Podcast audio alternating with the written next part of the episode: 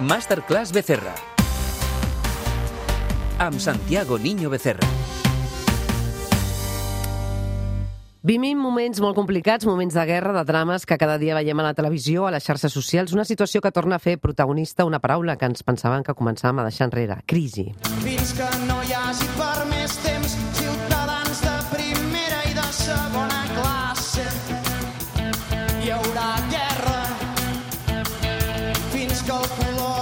Bona nit, Santiago Niño Becerra, què tal? Què tal? Bona nit, Chantal, bona nit. La setmana passada parlàvem amb tu de les conseqüències econòmiques que ja té i que tindrà la guerra d'Ucraïna, set dies més tard. Alguna matització, algun senyal positiu o, o tot el contrari, Santiago? No, al revés, al revés, tot negatiu. Eh, tot negatiu, mm, cuidado, mm, per alguns, per alguns, perquè jo estic convençut que després de, del boicot del Regne Unit i dels Estats Units a, a comprar mm, petroli rus, jo estic convençut que ara els brokers, els, els especuladors de futurs de petroli estaran mm, brindant en xampan de 1.000 euros l'ampolla. Clar. Però convençut, perquè clar, l'oferta baixa, la demanda no baixa, el preu pujarà. Uh -huh. Diuen que les sancions econòmiques es comencen a adoptar a Rússia, no? però no oblidem que al món occidental moltes empreses també hauran de pagar aquest cost altíssim perquè si deixen d'operar amb un client important com pot ser Rússia, eh, podrien fer fallida o no? No ho sé, ho notaran, no, també, això? Per descomptat. I per, a, a, primer, això. I en segon lloc, les empreses que necessiten productes que venen d'Ucrània o de Rússia. Per exemple, ahir vas llegir, ahir o abans d'ahir, vas llegir una entrevista que li feien a un, a, un, a un senyor que té una granja amb 3.000 truixes. Eh, diu que si no li arriba mm, blat de moro, que tindrà de tancar Uh -huh. literalment tindrà de tancar. Eh, mm, un, un, un pesquer, eh, un patron d'un pesquer de, de Galícia, també, mm, avui, una, una entrevista, eh, li ha pujat el gasoil més del 50%. Diu que això és absolutament insostenible. És a dir, que eh, és el problema que ja vam parlar que tenen les sancions. Les sancions tenen el que es diu l'efecte boomerang, no? És a dir, tu poses la sanció, però com l'economia mundial avui eh, eh, està lligada, eh, tot està lligat amb tot, tu poses la sanció, però al, de retruc et venen efectes de la sanció.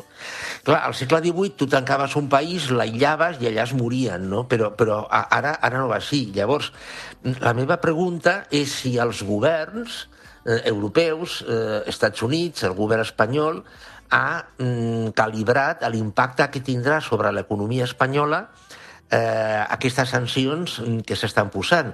Jo em quedo amb una, amb una frase que va dir el president del govern espanyol, el senyor Pedro Sánchez, en la eh, interconfederal mm, del PSOE que va tenir lloc el, el diumenge passat, aquest diumenge passat.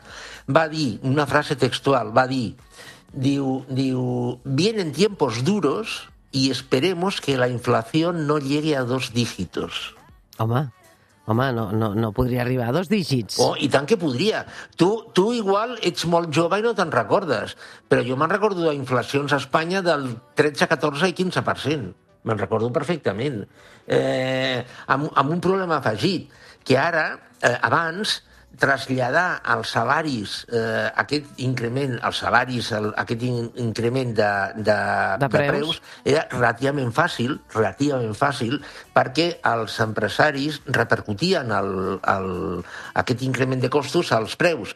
Però avui dia és impossible. Tu mira que ara estan discutint eh, els agents socials aquesta història de, que es diu el pacto de rentes eh, i els sindicats estan demanant un 5%, un 5% quan la inflació acumulada del febrer és del 7,4% i els, les, els empresaris diuen que no poden pagar això. És a dir, que mm, el, mm, tindrem una caiguda del poder adquisitiu mig de moltíssimes famílies. Caiguda De del poder adquisitiu. Mm, perquè l'Estat o la Unió Europea haurien d'ajudar aquestes empreses que per culpa de la guerra poden en- arruïnar-se? És a dir, l'Estat ha d'avançar, no?, també algunes possibles subvencions?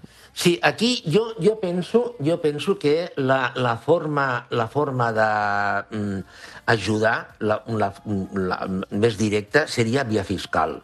És a dir, per exemple, pròrroga de les declaracions d'IVA, eh, mm, reducció de l'IVA dels combustibles. Tu pensa, per exemple, que quan vas omplir el dipòsit de benzina, eh, el 55% del preu que paga són impostos.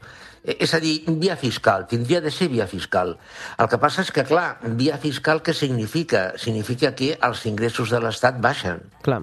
i, i les despeses, evidentment, són les que són, malgrat de que eh, un estudi recent apunta a que a, a Espanya cada any eh, el, es malgasten 60.000 milions d'euros. Eh? El que deies de la benzina, no? Molta gent ho diu, al teu entorn, avui em deia un amic, no? Per omplir el dipòsit de la motocicleta normalment gastava 10 euros, ara ja em costa 16 euros, eh? Li he incrementat 6 euros, i això a moltíssima gent. Les conseqüències d'aquesta guerra. També hi ha una llarga llista. Aquests dies hem sentit que Netflix deixa d'operar a Rússia, també hem sabut que Visa, Mastercard, Zara va tancar més de 500 botigues. Jo tinc davant una llista de totes les empreses i marques que han deixat Rússia, eh? Mm. Adidas, eh, Toyota, Sony, Volkswagen... Són moltíssimes, no? Sí. La pregunta és, què passaran els balanços anuals també d'aquestes multinacionals eh, acostumades a, a beneficis no? importants que, clar, perden aquest mercat de, de Rússia, no? Com, Bueno, però, com els hi a veure, afecta o no eh, els hi afecta? A a veure, Shell, per exemple. Shell és una empresa que te, tenia participacions a Rússia per 3.000 milions de, de dòlars. Pregunta, Shell pot assumir una pèrdua de 3.000 milions? Evidentment que sí. Eh, mi- Mira, mira el que ha fet Inditex, per exemple. Inditex tenia a Rússia mm, 507 botigues, si no recordo malament.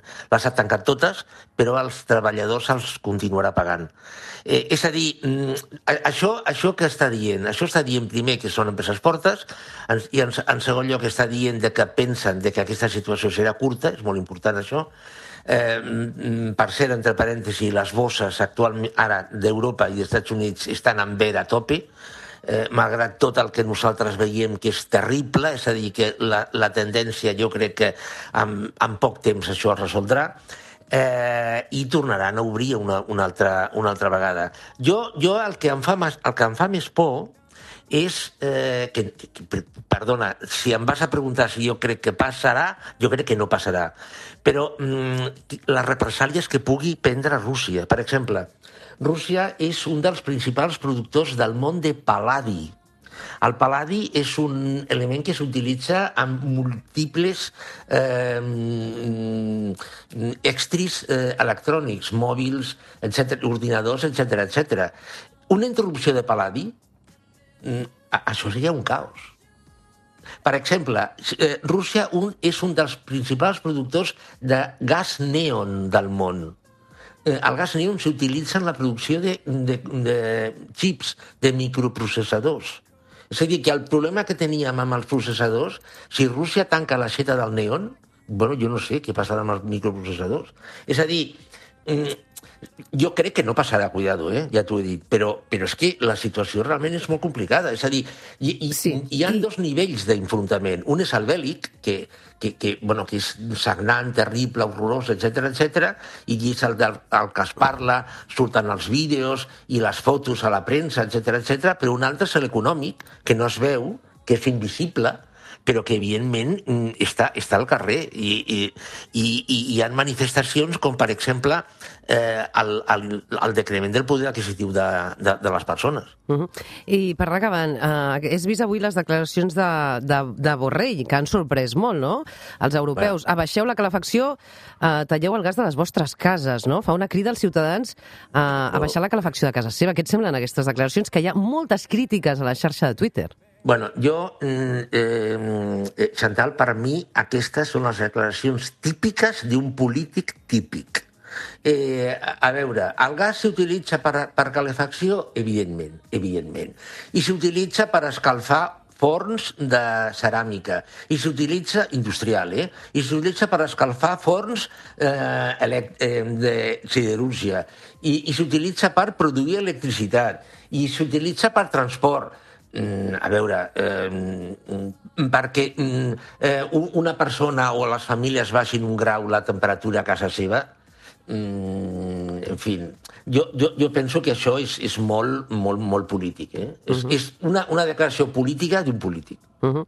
Moltes crítiques que ha rebut a la xarxa. Bé, seguirem parlant segurament d'aquest increment de, del preu del gas, de l'energia, del petroli i de les conseqüències. Com sempre, un plaer saber una mica més de tot el que està passant, com sempre, amb en Santiago Niño Becerra.